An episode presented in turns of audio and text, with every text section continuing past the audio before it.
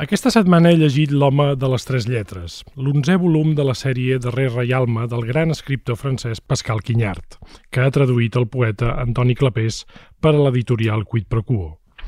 Avui, si m'ho permeteu, em faré allò que els cursis anomenen un autorregal, perquè Pascal Quinyart és un dels meus escriptors favorits i quan vaig saber que Antoni l'havia traduït vaig devorar aquell llibre meravellós mentre frisava per parlar-ne amb ell una bona estona.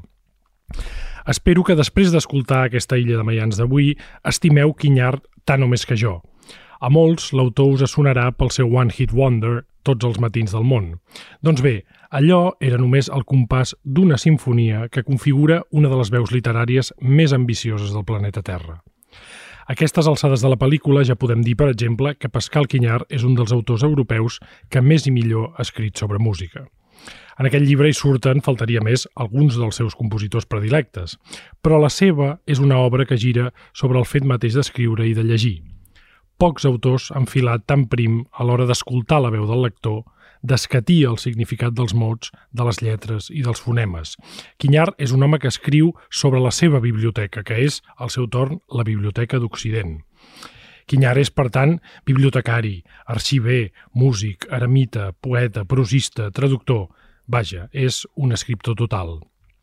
Quan els cotis literaris l'any passat deien que el Nobel tornaria a França, vaig tenir l'esperança de cantar bingo pel meu autor adorat. Però les coses no van acabar de sortir com jo volia. I tal li fot, perquè el nostre protagonista d'avui passa olímpicament de la glòria literària i es dedica només a escriure, com li toca a un escriptor.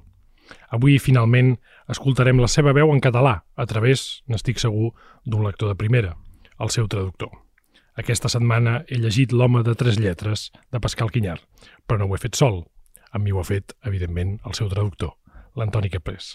Soc en Bernat de Déu i sou a l'illa de Mayans, el podcast Dona Llibres. This is my island in the sun Where my people have toiled since time begun I may sail on many a sea Her shores will always be home to me.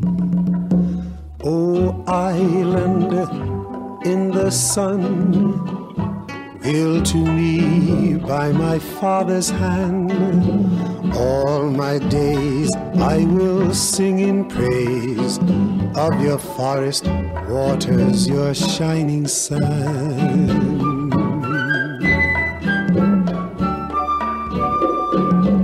Toni Clapés, ben tornat. Bon dia, gràcies. Vam parlar fa bastant temps de un senyor que es deia Valerí. Sí. amb una obra que tampoc era menor, per tant... Tampoc, tampoc, sí. Uh, no ens hi posem per poc en aquesta illa. Uh, mm. Aquell llibre, el tal qual estem parlant, va tenir una boníssima recepció sí. dels, dels lectors. No sé si et va sorprendre, perquè era un llibre... Parlarem avui també d'un escriptor que no és fàcil. Uh, allò sí. sí que va ser una sorpresa, suposo. Home, per mi, totalment. Eh? Jo li deia a l'editor en fi, no, no en vendràs ni un d'això. Eh?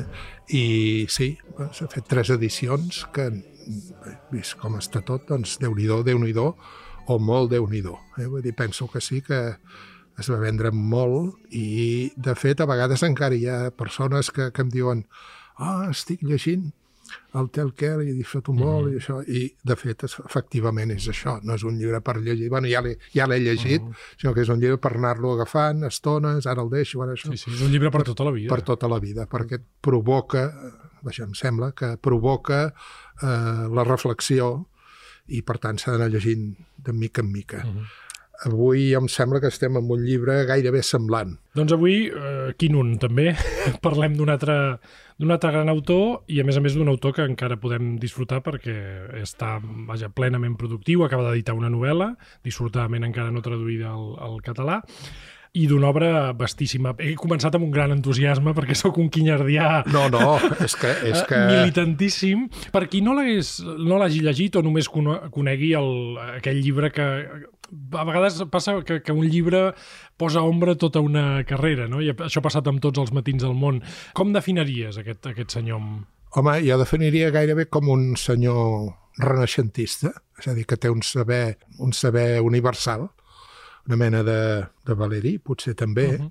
Ell, segurament, Quinyar, eh, la seva procedència eh, en l'àmbit musical doncs s'inclina molt més cap aquí, però és un home que sap bastant de tot, jo el diria com un savi. I per mi un savi és aquella persona no que sap moltes coses, o no que només sap moltes coses, sinó que té una uh -huh. enorme capacitat per relacionar aquestes coses. No un erudit, eh? no, no un simple erudit, exacte, no un ordinador exacte, de carn. Exacte. Sí, sí eh? no, no res d'intel·ligència eh, artificial, no, sinó una, una gran intel·ligència, una gran capacitat de relacionar les coses. Aleshores, clar, aquest és un llibre ja té un títol que vol dir l'home de les tres lletres, però després mm, -hmm, suposo que ho veurem. Eh, bé, és un títol que, home, té molt a veure amb el que després explica. Es, explica en aquest llibre, que fa part d'aquest eh, gran projecte literari. Em sembla que aquest és el número 11. 11 és l'11 de la sèrie El darrer Reialme. Sí, el darrer Reialme, el número 11, ell ha anat veient o que fan. Però, de fet, gairebé sempre parla del mateix. I de què parla? Home, d'escriure i de llegir, que potser són la mateixa cosa. Exacte. I a darrere la reflexió. Ja està. Eh? Bé, si volem avançar una mica més, jo crec que aquest, concretament, és un gran elogi a la lectura. Mm de fet, el primer, quan comença, les primers 15 ratlles, que potser estaria bé que les -huh. llegissis o així, doncs, home, és que és magnífic perquè diu, comença i diu estimo els llibres, m'agrada el seu món, m'agrada uh -huh. estar en la nuvolada que forma cadascun d'ells, que s'enfila, que s'allarga. M'agrada proseguir-ne la lectura. M'agrada experimentar l'excitació de retrobar al palmell el seu pes lleu i el seu volum. Quina cosa, eh?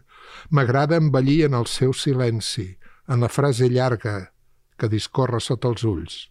És una riba emocionant, allunyada del món, que s'aboca sobre el món, però que no hi intervé de cap manera. És un cant solitari que només el sent qui llegeix. L'absència de so extern l'absència total d'aldarulls, de gemecs, d'ucs, l'allunyament màxim de la vocalització i de la massa humana que permeten els llibres comporten una música molt pregona que va començar abans que el món s'originés. Potser la veritable música també la reemplaça d'ençà que és escrita. Amo literas. Estimo les lletres. Sí, sí. Bueno, comencem, clar, comencem forts. Si comences llegint això, eh, desmaies directament, o pares, no? que és el que em va passar més. Dius, hòstia, pare, ho paro, uau, no? Això, això 15 ratlles, bé, això continua una mica més, per tant. Igual. I aleshores ja comença, a partir d'aquí ja comença ell a enllaçar aquesta amor a, la, a les lletres, a la literatura, mm i van sortint els diversos capítols. Que... Mm. Potser per explicar aquest paràgraf i després l'analitzarem i altres parts del llibre, val la pena també pensar una mica en la biografia d'aquest senyor, que és, que és bastant curiosa. Sí. Hi ha una expressió del filòsof Yankelevich quan es refereix a la, a la música de Montpou que a mi em sembla molt afortunada a l'hora de parlar de Pascal Quinyar.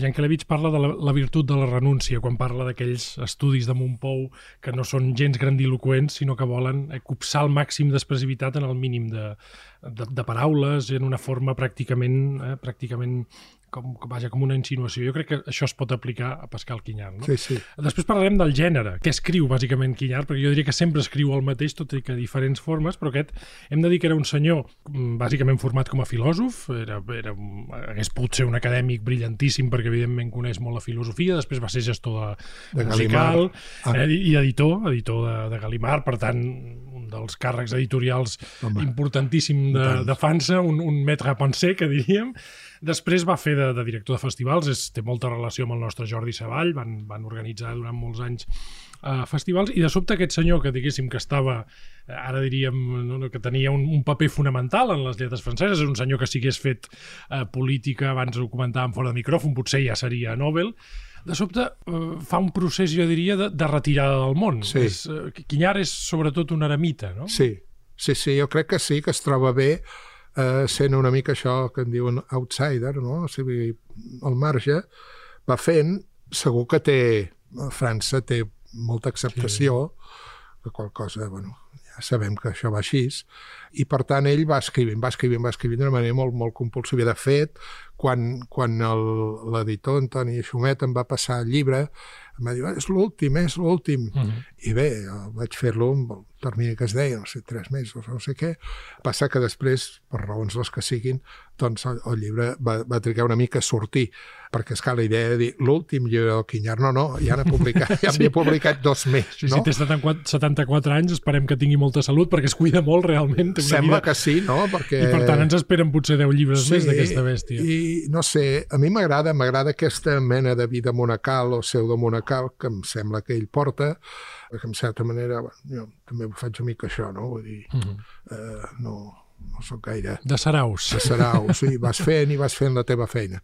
És clar, abans deies el gènere, que ja que som en una llibreria, m'agradaria saber exactament el llibre a, quin, a quina secció es posa un llibre així, no? Exacte. És en la secció de filosofia, d'assaig, d'estètica, de Mhm. història de l'art, de Sí, sí. De història de la música, d'història d'estètica de, la música. de...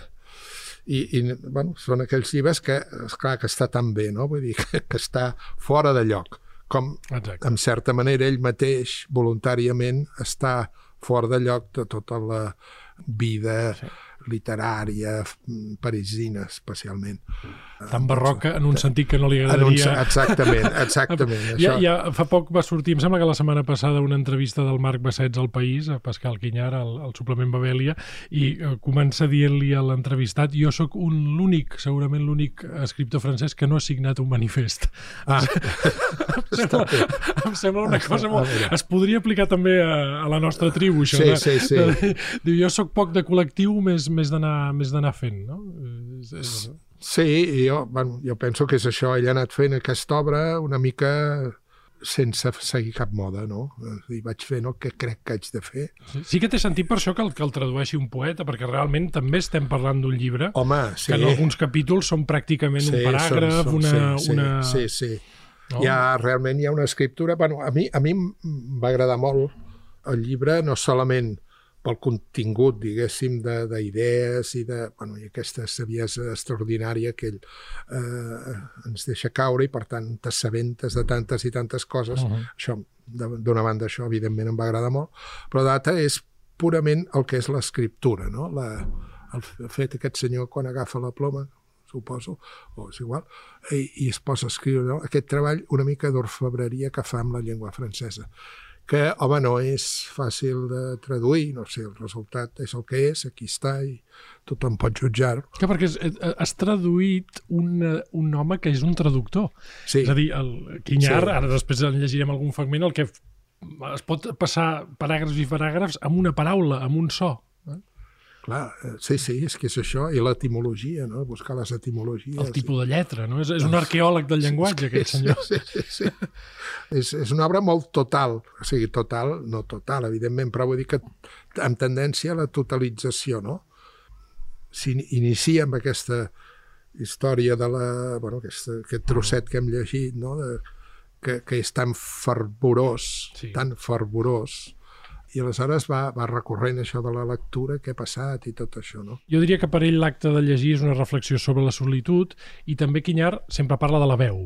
Aquesta, aquesta veu curiosa que tots impostem, eh, que és una veu neutra, quan llegim. Aquests, aquestes pàgines sempre... Això, com deies, aquests volums podrien ser un volum gran, aquests 11 volums podrien Sí. ser el mateix llibre, perquè ell va parlant sempre del mateix. Suposo que, bueno, no sé, m'agradaria que Galimar, en un moment determinat, que, és- que Quinyar digui, bueno, ho, ho deixem aquí, facin un, un, un pleiat amb Sí, sí, amb tot. tots els 11 o 12 o 13 que puguin configurar, no? perquè efectivament és com, un, és com una obra única, bueno, feta així eh, per entregues gairebé. No? Exacte. Hi ha aquesta, deia ara, aquesta obsessió pel silenci. No? Sí. El, el silenci de la lectura. Sí. Ell, a, a, quan comença el llibre, mira certs capítols de grans homes, de gent, de gent que està llegint. A ell li apassiona aquest acte, fins i tot visualment.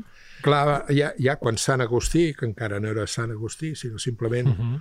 un filòsof africà eh, que arriba a Milà i se'n va a, a la catedral a veure, a veure el bisbe Ambrosi i entra a la catedral i allà al fons, a la penombra, veu una persona, una figura que fixa la seva vista en un llibre, en alguna cosa, no En un papir, un, sí. un papir o, i ni belluga ni els llavis. Fins a l'època es llegia en veu alta, no? Era, Eh? I, I aleshores eh, Sant Ambròs, el que serà Sant Ambròs després, està llegint en silenci. Eh? I aleshores, clar, ell fa aquí una reflexió fantàstica. Diu, realment no mira el que veu, ni veritablement el llibre que sosté entre les mans. Uh -huh. Només mira davant seu, el buit. Vidimus tacite. L'havíem vist llegir així calladament i mai de cap altra manera, i durant una llarga estona, assegut, la seva veu i la seva llengua es mantenien en el més complet repòs. Durant una llarga estona de silenci, a l'interior del seu llibre, Sant Ambròs s'escapava de la basílica, s'abadia totalment del murmuri de, de la gernació de fidels, es retirava del món públic en la seva lectura silenciosa. El que veu Sant Agustí, més enllà del bisbe de Milà i la seva boca closa, és un silenci de segles successius que s'acumula i es contrau en la penombra de l'antiga basílica. Wow. Sí, és una suma de silencis ancestrals. Que bonic, no? És preciós, sí, sí. És un escriptor que té, a més té el do de la música, que és un altre do, que, que com a traductor suposo que l'has anat buscant i t'hi has anat barallant. No? Bueno, jo intentava eh, això, bueno, algunes vegades vaig buscar de fer de casíl·labs perquè, perquè anés pautant aquesta música silenciosa, eh, Montpou. Mm -hmm, sí, sí, té a veure, té a veure. Té a veure, té a veure. I clar, és que uf, va ser, realment va ser... És que a partir d'aquí comença a citar eh, o a parlar de gent diferent entorn de, de, de la lectura i com llegeixen, Eh, i esclar, tot això, bueno, no farem tant spoiler. Eh, també m'agrada molt que, que barreja, no solen barreja, incorpora la, la filosofia, diguéssim, bueno, que nosaltres en diem oriental. Exacte, no? això, això t'ho volia preguntar. Hi, hi, ha, hi ha una primera cosa revolucionària en Quinyar, que és, en temps de soroll, aquesta, aquesta recerca pel silenci. En aquesta entrevista que citava, ell deia una cosa que a mi m'ha semblat molt reveladora. Diu, el món sembla mm, que viu obsessionat en el futur, què passarà, aquesta idea del col·lapse, de la distòpia, diu, a mi només m'interessa el que ha passat. I dius, sembla, sembla una cosa... A vegades quinyar-te aquelles coses que dius, hosti, sembla una tonteria, voreja molt bé, com tots els autors francesos, a vegades el sentimentalisme, però eh, són aquelles sí, frases que no parles no. i dius, res, res, res de sentimental, sí, això va al sí, fetge. Sí, sí. Diu, del que passarà, oblidem-nos, anem a, a treure els llibres més antics que tinguem a la lleixa, que segur que hi trobarem alguna cosa. I, i ell troba molt sentit en, el, en la poesia d'autors que no coneixem, no, la, la poesia sobretot oriental. Sí, sí, sí. No, és que, bueno, això també em va, diguéssim, agradar, perquè bé, no, no és que conegui molt, però una miqueta, doncs, eh, en fi, la filosofia o l'espiritualitat oriental, la, en definitiva la poesia, la, l'art, la cal·ligrafia, tot això m'ha interessat molt, no? I aleshores em vaig sentir molt confortable quan, quan introduïa tots aquests personatges i, i a vegades aquests, aquestes històries que explica de, de, d'allà, no? del Japó. Sí, perquè són poetes llegendaris, no? Són poetes Nosaltres llegendaris. coneixem una mica la poesia de Masou Baixó, de, de Lipó, sí, fins i tot. que ens ha arribat més. Que ara, són el, el, alguns que hem traduït, però parla d'autors que, no, que no coneixem. No, no, no. Però que són, eh, són uns autors, jo crec que li interessa molt la relació orgànica que tenen, un dels altres temes quinyardians excelsos, entre la paraula i la cosa, Exacte. i sobretot la cosa natural. Exacte. És a dir, eh, com els grecs, els poetes orientals, quan diuen una paraula no estan dient un objecte, sinó que l'objecte és la paraula i la paraula és l'objecte i tot es barreja. Sí, sí, sí, sí. Clar, això, això sí, sí. Eh, en fi, per raons diverses, igual. Mm, he estat treballant una mica amb, amb una persona que, que, que coneix molt l'hebreu, és jueva, no? I, uh -huh. i mhm. tot. I és que i sempre van a l'etimologia del mot, no? I sempre van a parar allò. És que llavors és com anar a, allò en, en aquest riu, a veure, pugem, pugem amunt, amunt, amunt, i anem a la font eh? d'on surt això? I això surt d'aquí, no? aquesta aigua que és ferruginosa o és que no sé què, no sé què més, i va baixar. Aquest, aquesta cerca la trobo, la trobo fantàstica. Bé, les tres lletres, ara sí, que anem, anem, anem a fer un, un spoiler, però que és un spoiler que quan el torneu a llegir serà, tindrà igual de gaudi, no? Sí, bueno... Què, què és aquest títol, no? Què és aquest, aquest títol? títol, doncs, és l'home de les tres lletres, diu, aquesta era la perífrasi que els romans feien servir per anomenar el lladre dius, a veure, què està, què està passant aquí, no? I aleshores hi ha un moment que diu que tot acte de lectura és un, és, és un, un robatori. És un robatori, eh? i que tots, tots robem. L'home de les talletes és el rei furtiu el que va i ve, amb l'ajut de la seva llengua silenciosa, la que s'escriu i calla entre dos reialmes, uterí i solar, en què s'aplega del tot la breu experiència possible per a cadascú. Uh -huh. És a dir, l'home, eh, el fur, el que furta, és l'home il·lustrat, el que llegeix i eh, roba tot allò que llegeix, no? I precisament... Sí, és aquest escriptor trapella, també. No? Aquesta, sí, aquesta idea de... Sí d'ara, sí. m'agrada tant una cosa de, tant que me la de Virgili que me la faig meva. Ah, fixa't, quan, quan jo llegia aquestes pàgines, a part, sempre llegim des d'un lloc i un indret concret, i jo pensava una mica en la nostra tribu, perquè això dels furts sempre ens ha costat una mica, és a dir, quan un autor a vegades diem que rodoradeja o que maragalleja, sempre diem, ho sí, diem despectivament. despectivament. Quan dius, no, no, al contrari, és a dir, si un autor ha buscat escalva en la prosa de Rodoreda perquè li va bé, perquè les glicínies les diu d'una manera, fantàstic, és a dir, si robem coses vol dir que tenim tradició, Clar. perquè si no robem res estem inventant constantment, i ningú no inventa ningú constantment. No inventa. els invents pel TV, o no? Clar, Allò que, clar. Aquell que deien, eh, els invents a casa i amb gasosa. Sí. Ell està fent una reivindicació molt benigna d'aquest escriptor que, que roba, i que furta i que amb el furt hi ha un gaudi, no? Clar, això, sí. això a nosaltres ens, ens costa terriblement. Sí, sí, això sembla que, sembla que sigui una cosa mal feta, no? Que està bueno, fent una cosa això mal feta, i no, no, no, al contrari. Ell l'explicita d'una manera molt transcendent. Hi ha un fragment que em va encantar que diu la persona lletrada, segle rere segle, gira la vista cap a l'altre rostre que ha esdevingut invisible. L'altre de l'altre, aquest és el meu Déu. És així com la persona lletrada es troba al paradís mentre viatja al reialme dels morts. És, és aquest, aquest diàleg amb els que no hi són a través del, del llibre, no? és, és d'una força... Diu, el literatus passa les pàgines pàl·lides i gairebé tan lívides com les galtes dels morents que han deixat de contraure's amb somriure. Hosti, que bonic, eh? és que, és que ho, fot, ho fot molt bé, noi. Sí, sí. Després de llegir això, a vegades penses l'estil de Quinyar és fàcil i tu penses, bueno, faci-ho vostè, saps? Allò és com quan veus un miró i dius... Sí, sí, el... Quan intentes quinardejar, te n'adones que això és molt, molt difícil. Aquesta imatge és preciosa, no? La, la idea de passar les pàgines, com quan ell llegeix un autor que ja no hi és, com si toqués un, un mort que ja... Eh? Sí, sí, aquella la, la lividesa aquella, no? Tot això, clar, quan tradueixes, estàs tan, tan a sobre de... Vull dir que, que jo no me n'adonava. O sigui, era conscient de tocar un material bo, és a dir, treballar amb una cosa bona que passava amb el Valeri, no? A mig, a mig traduir Valeri, eh, jo l'odiava, eh? L'odiava ah. perquè deia, hosti, no, no, no ho compliquis tant. Sí. perquè, perquè hi ha trossos... Fem-ho fem més fàcil. Quan sí, parla de ciència, de física i de coses que a mi se m'escapen absolutament, sí, no? Per sí. exemple, clar, sempre el dubte de si ho entens bé o no entens bé, aquesta clar. cosa. I amb el Quinyà em passava també que deia, hòstia, no, no sé ben bé on vas, on vols anar a parar, no?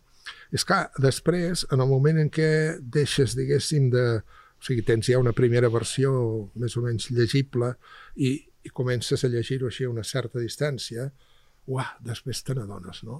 Era I això. Dius, eh? Quina cosa, quina cosa, he estat tocant això, he estat sent un orfebre jo també.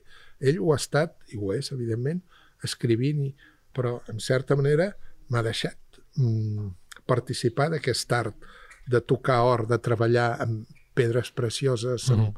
amb, amb materials uh, fantàstics, i com d'aquí ha anat construint aquestes, bueno, aquestes joies, no? I és que és això. Jo és, és un llibre que jo aconsellaria absolutament que tothom el llegís a poc a poc, a poc a poc, eh? Vull dir que per, justament perquè és una escriptura tan, tan bona que, que dius, uah, amb una mica n'hi ha prou, eh? No, no cal menjar tot el pollastre, no, no, no. un capó d'aquells de Nadal. Ens porta altres llibres, que, com, home, tots, clar, com tots els bons escriptors. Clar, clar, és que uf, et suggereix, bueno, clar, a partir d'aquí jo també, clar, jo vaig aprendre molta cosa, vaig anar buscant, bueno, vull dir, vaig descobrir eh, coses, vaig descobrir, en fi, maneres de, de, de viure, de forma de viure, aquella, aquella estufa, eh, com és lo de l'estufa aquí, és que viatjava amb una estufa Sí, és veritat. Que allò era complicadíssim perquè no hi havia manera d'entendre què passava, no? bueno, que havia, no sé, ara, ara mateix no recordo qui era, que s'havia fet una, com una mena de, de cambra que, de manera que quan ell, via, bueno, quan ell, la persona en qüestió viatjava, devia ser algun algun noble, rei, algun, algun noble, sí. algú d'aquests, que, que, que era, era bueno, tenia, tenia escalfor, eh? vull dir, allò s'escalfava de- a través d'un no sé quin mecanisme, de manera que ell podia llegir, llegir, llegir, i passava hores i hores, i em sembla que apenes dormia. No sé, ara Sí, no em sembla, que és un, em sembla que està parlant d'un rei quan, Eh quan, sí? quan, dius, eh, quan dius això. Jo, jo, sí, sí, t- és una, una obra d'uns interessos brutals. Eh, Jo també vull tocar un tema que, que també és de les coses que sorprèn del Quinyar, que és el Quinyar grafòman o grafòleg, hauríem de dir, perquè Quinyar és un boig de la lletra, no de la lletra en sentit metafòric, sinó de, de les Sí, sí, lletres, les- que és una cosa que, que a vegades ens hi fixem quan està un llibre ben editat, amb una tipologia de lletra o amb els marges, hi ha, hi ha gent que és molt malalta d'aquestes coses, que mira la simetria dels llibres i, i el tipus de lletra, però és que ell analitza la història de cada lletra. Clar, Tu veus una lletra i dius, bueno, això és un, un alfa, és una omega, és el que sigui. El capítol 5, per exemple, comença parlant de, de l'alfa, no justament? Clar, és d'aquelles primeres frases també que et dius, et situen en un pla de literatura de primer ordre. Diu, a més, és pràcticament ho escriu com si fos un conte bíblic. Diu, en altre temps, la lletra àlef era el rostre d'un brau vist de cara. Dius, això, això ja, ja et situa. El cap i les banyes s'inclinaven cap a la dreta a l'època en què la línia recta s'inventà, quan l'escriptura va abandonar els laterals dels gerros i guanyar les superfícies planes dels sarcòfags i les parets dels temples.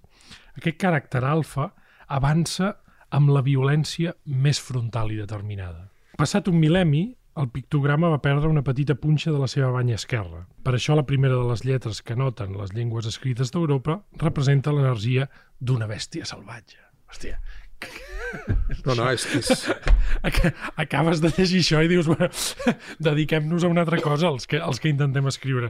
Perquè és la, la història que hi ha sobre coses que nosaltres ja tenim per enteses, no? Ell, ell, en aquest sentit es disfressa d'arqueòleg, no? Per, per revelar-nos allò que hi ha rere la quotidianitat mateixa del, del llenguatge. I ja ens fa veure la lletra, en aquest cas una lletra, això, eh, com, la descriu com un brau violent, no? És, és d'una gràcia poètica brutal. és que tot li treu el suc, no? la, la, la poesia, diguéssim, eh? les coses més...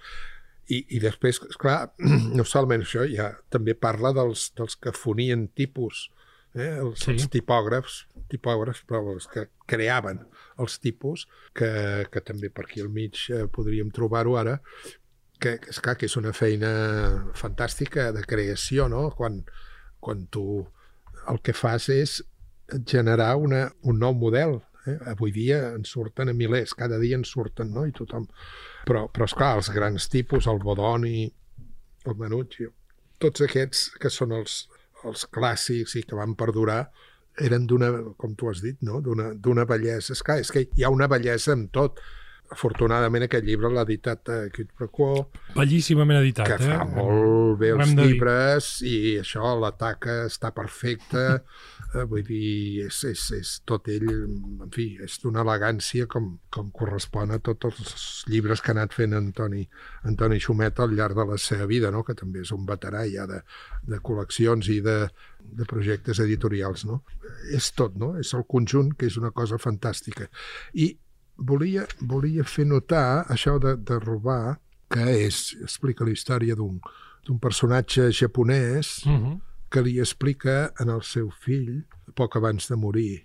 Diu, jo robava igualment que robava el lladre de Quinuta. Robem la llengua que parlem. Vam robar els mandarins de la Xina les lletres que l'escriuen. Vam robar el budisme, els monjos grocs i gairebé taronges de l'Índia. Jo mateix he robat tot el que he llegit. Un lladre de debò és aquell que entra tot sol a negra nit, el cor bategant, els sentits en alerta, el cos tens, els ulls impacients, a la casa on ho desconeix tot. Com evitar que ens enxampin si actuem acompanyats? Jo anava sol quan vaig entrar en una casa fosca i silenciosa. Em sembla que tota la vida he estat ben sol, llegint com puc estar-ho ara a punt de morir. La solitud de la lectura i la solitud també de, de la mort, encara que en aquest cas està Hi, hi ha un acompanyat. tema molt interessant, ell, ell no només parla de, del que entenem com a cultura antiga, hi ha un capítol molt curiós sobre la psicoanàlisi i un també sobre el romanticisme, perquè jo diria que, que Quinyar és, és l'autor, no et diria antiromàntic, perquè és, és un autor, clar, tan voràs que llegeix tot, però sí que és cert que, clar, justament per aquesta idea de dissoldre's ell mateix en els altres, és a dir, de, de fer entendre que la literatura és un afer col·lectiu, ell eh, està una mica, és al·lèrgic a aquesta càrrega de jo, aquest excés de jo, que, que, que és el romanticisme. En aquest sentit seria un, un autor més aviat més aviat eh, preil·lustrat, fins i tot. No sé sí. si diria preil·lustrat. Sí, no? sí, sí, està bé. Eh? És, és, és un autor que l'opulència és enemic de l'opulència, eh, Quinyar diries, no? Suposo. Sí, sí, sí. Eh, i, I, per tant, eh, també és un, en aquest sentit, em sembla un autor eh, profundament contracultural. És a dir, eh, estem eh, amb sobredosi de jo sí. en, la, en la literatura. No? Sí, sí, sí. Eh, home, jo crec que aquest és, penso, el gran mèrit de, de, el gran mèrit. Vull dir que ell s'ha mantingut eh, en una situació això de, de dir jo, la meva obra va per aquí i jo vaig fent més enllà del que siguin les, els èxits o el, el que, el que ara tocaria fer, literatura del jo, literatura del no sé què, no, no, no. Comença, comença així el capítol, l'estava cercant abans. Diu, podem qualificar els romàntics de romàntics, podem qualificar de romàntics els sí. llibres en què els escriptors són anteriors a l'obra que publiquen. El contingut del que escriuen té com a objectiu el món social en què l'aparició farà heroi el seu destí. Els escriptors són, per tant, els narcisos, els genis, els acadèmics, els creients, els poetes, els parts de França, etc. Jo no era romàntic. Diu, m'agradaven els llibres en què els que escriuen mai no emergeixen de la seva lectura. D'Ovidi a Plutarc, de Plutarc a Petrarca, de Petrarca a Montaigne, Rousseau, Littré, Mallarmé, Kawabata, Tanizaki. Una vida totalment consagrada a la lectura dels llibres comporta conseqüències perilloses. Exilis, silencis, retirs, dimissions, divorcis, suïcidis, entotsolar-se una vegada i una altra sense parar. I estan implicats no sols els dies, sinó totes les nits, tots els somnis, fins i tot la sexualitat de qui escriu, la seva mateixa mort. És, és molt bonica aquesta reflexió, molt, molt. en certa manera antiromàntica, és a dir, és, en el fons, jo diria que per, per Quinyar l'escriptor és l'antiheroi, L'antiheroi i, el, i el, justament la persona que es dissol en l'obra, no que, no, que, no que sobreviu a l'obra, que seria el romàntic. Aquesta idea de l'heroi és... Clar, ell no, no li interessa. No? Continua, diu, la identitat de qui penetra en els llibres queda transformada per sempre. I això és una cosa que a mi, jo eh, fa molts, molts, molts anys vaig llegir quan es parlava als Estats Units de, de literatura d'esquerres i no sé uh -huh. què, hi havia un catedràtic que va escriure un article... Que els engagés, però americans. Americans, sí. I deia, ningú surt indemne d'una bona lectura. I acabava dient, ningú que llegeixi el Moby Dick en profunditat pot ser un capitalista, un poca vergonya capitalista, una cosa uh -huh. així, no? Ho dèiem d'una manera molt... I és veritat que, home, que, la, que els llibres, que la lectura, que ens, ens transforma. Un no, no surts igual després de llegir aquest llibre. No solament perquè has après, que això ja és, ja és un què, sinó que modifica la teva moral, la teva percepció, la teva... Això, què faig en aquest món? Doncs, doncs eh, tota aquesta literatura de pes, això que abans comentàvem, no? La literatura que pesa, eh? aquests llibres que pesen, no perquè pesin ells. Això, aquesta frase tan bonica que abans em sembla que hem llegit, aquesta lleugeresa. -huh. del llibre obert a la mà, que ni el notes, eh? aquest plec que fa, totes aquestes qualitats tan magnífiques que ell, que ell diu, tot això el contingut, vull dir. -huh. pesa eh, en aquestes literatures i això a nosaltres ens, ens modifica. -huh. ens canvia. Eh? I... Clar, abans en parlàvem i també vull deixar una constància aquest és un llibre estrany no només perquè no sabem on posar-lo sinó perquè també va contracorrent del soroll dels llibres. Ara, ara parlaves, com et canvia llegir Quinyar? Que quan et poses a llegir, llegeixes de manera diferent. Exacte. A vegades, eh, fa de mal dir-ho en, un, en un lloc on hi ha tants llibres com, a, com aquí a la llibreria Ona, però a vegades llegim massa. O a vegades llegim despreocupadament, o a vegades llegim perquè toca, o a vegades llegim perquè fins i tot eh, eh, l'autor és amic, no? i no podem fer-li aquest mal lleig de no, de no llegir-lo. I després de llegir això, dius, escolta, és que això de posar-se a llegir no és una activitat més. I, i a vegades el, els llibres també fan soroll. Jo tinc la impressió eh, nosaltres que fem un programa de llibres, que cada setmana, com sabeu, fem una cosa tan antinatural com llegir-nos els llibres que comentem, aquí fem, fem una cosa, no tothom ho fa, però, però a vegades eh, portes un, llibre, un ritme de lectura tan gran que dius, hosti, mm, hi he de posar una mica d'aire aquí, no? I a vegades els llibres també fan soroll, aquest paio diu, escolta, mm, tornem a llegir lentament, tornem a, després de llegir un capítol, potser fer una volta, fer un passeig, no cal fer una llista de llibres com qui fa aquesta cosa d'anar acumulant. Que... Eh, eh, és que a mi, ara que ja, que ja soc vellet i això, dius, ja... sí, vull dir, ja no haig d'anar de modern, ja estic al, al dia de l'últim... Els ametllers estan eh, batuts, sí, no? Sí, sí, exactament, exactament, no? I el que procuro, o sigui, procuro realment que l'acte de lectura Eh, sigui per mi com un, un, un acte de satisfacció. Eh? Sigui 10 pàgines d'un llibre, sigui una pàgina, un poema. Eh? Eh, què vull dir? Que jo hi ha llibres que no els acabo. És a dir, que no, no els acabo de llegir mai perquè oh, acabo i, i, i tornaràs, no? Hi ha llibres que els voldries tenir, passa que jo tinc un desordre en fi, apocalíptic i, i no passa això, es perden els llibres. Però és aquesta cosa de acabo i el vull tenir a la vora, el vull tenir a prop, perquè en un moment determinat és com si et fes falta una aspirina que tens mal de cap. No? Exacte. Necessito tornar a llegir aquestes pàgines del Quinyar perquè, uah, aquesta expressió francesa, allò soulager, no? Eh, eh, et, et calma, no? Et calma. Up, és com... I, I a la vegada, és clar, et, et, fa, et fa reflexionar. És que, eh, bueno, jo com que no soc, no he estudiat filosofia ni coses d'aquestes que hauria hagut de fer però que no vaig fer. Tinc molts dèficits i, i aleshores eh, procuro aprendre de tot, no? Eh, aprendre de tot. De tot puc necessito aprendre i entendre les coses, no? I aleshores em passo moltes hores, jo, bueno, moltes tampoc, eh? algunes hores, allò reflexionant, no? Sobre el que he llegit, perquè em, em dona motiu per... Rumiant, que, Es, diu, que es diu en català. Sí, rumiant, no? Molt... I a més està molt sí. bé, eh? perquè és, és allò dels herbívors. Eh? Sí, sí, eh? El que hem llegit... Regurgitem. Regurgitem sí, sí. i, i tornem, no? Sí. Eh, per, per notar efectivament allò, ostres, els matisos d'aquesta cosa. Jo, per exemple, això, poesia, que, bueno, per professió, que ara ja apenes faig, he llegit molta poesia que, que dius, però, escolta, si, si, si llegir el mateix llibre, que, que és igual que el de l'any passat en el Premi aquest i l'any passat no sé què. Eh, bueno, tant... és un estrès literari, sí. abans, abans ho comentàvem, en aquest nostre país, que és petit, però té una gran literatura, però a vegades és molt petit per moltes coses, cada setmana hi ha el llibre de l'any. Sí, exacte. Llavors, aquest, aquest, que... est, aquest estrès és impossible és mantenir, impossible. perquè ni som tan genials, ni cal. Ni potser, cal. potser hi ha algun any que, no, que tampoc hem de tenir el llibre genial exacte. i potser ens hem de dedicar a tenir els molts de genials que tenim que no hem llegit. Potser hem de tornar a llegir Marc, potser, hem de, bueno, potser hem de, ens hem de tensar a llegir... Estaria bé això, eh? A, a, a llegir els, els pares de la pàtria literària i, i potser fins i tot així escriurem millor. Bueno, no fa molts dies parlàvem amb un, amb un poeta amic i parlàvem justament d'això i dèiem que ens semblava, eh? ens semblava que els joves poetes, els joveníssims poetes, sí no, en general no coneixen, o almenys jo pel que he vist, eh, eh, no coneixen la tradició. Eh?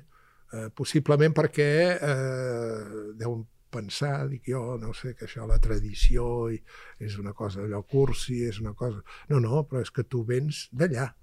Eh? Tu vens de, bueno, t'agrada o no, tu vens de mossèn Cinto, que ens va posar la llengua, doncs va fer la llengua literària i, i no t'agradi, no t'agradi, no. va dir no sé què el, diu. El nostre diccionari poètic és de Marc, de eh, mossèn Cinto, de Carné, i, i potser ens, no ens estaríem d'acord amb els que venen, però aquests, bueno, però, amb els primers cinc ens això, posaríem d'acord. Sí, sí, això va a missa. Sí, sí. Anem, venim d'aquí i, per tant, home, mm, ho hem de mirar de tant en tant, no? a veure què passava, per, per, no? justament per anar avançant, perquè si no, està molt bé que mirem la poesia nord-americana i totes aquestes coses, que ara està molt bé, és meravellós. Eh? Jo estic molt a favor de la traducció de la poesia, de la traducció de poesia, evidentment, però bueno, també hi ha la poesia nostra, la nostra tradició, perquè cadascú s'ha de fer la seva tradició, no? Però hi ha una part d'aquesta tradició que un es munta que ha de, ha de venir justament de, de, de la tradició de la, seva, de la seva cultura, de la seva literatura, de la seva llengua, de conèixer bé, no sé, mm, jo vaig tenir una experiència gairebé Eh, mística. Però, mística. No, pots però dir-ho, pots dir fa dos anys, em sembla que és fa dos anys, un grup de, de persones eh, van muntar a la Mare Déu del Món Uh -huh. doncs un, un, una jornada que vam llegir de cap a peus al Canigó. Tot.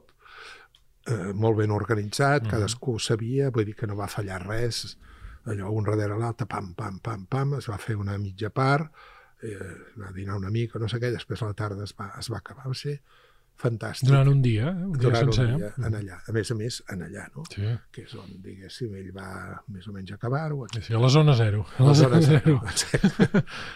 I, I, clar, jo, em feia una mica de... de hi ha coses que m'agradaven, això, però en allà vaig descobrir, a nivell de lèxic, vaig descobrir, va descobrir o redescobrir, o dir-li com vulguis, tanta cosa que, que dius, ostres, però... I, i bueno, unes imatges, un, un tractament extraordinari, extraordinari. I clar, home, doncs això em va donar com molta, molta vitamina. Vull dir, jo no, no esclar, no ho faig servir, ni té, el que jo escric no té res a veure, em, em sembla, oi?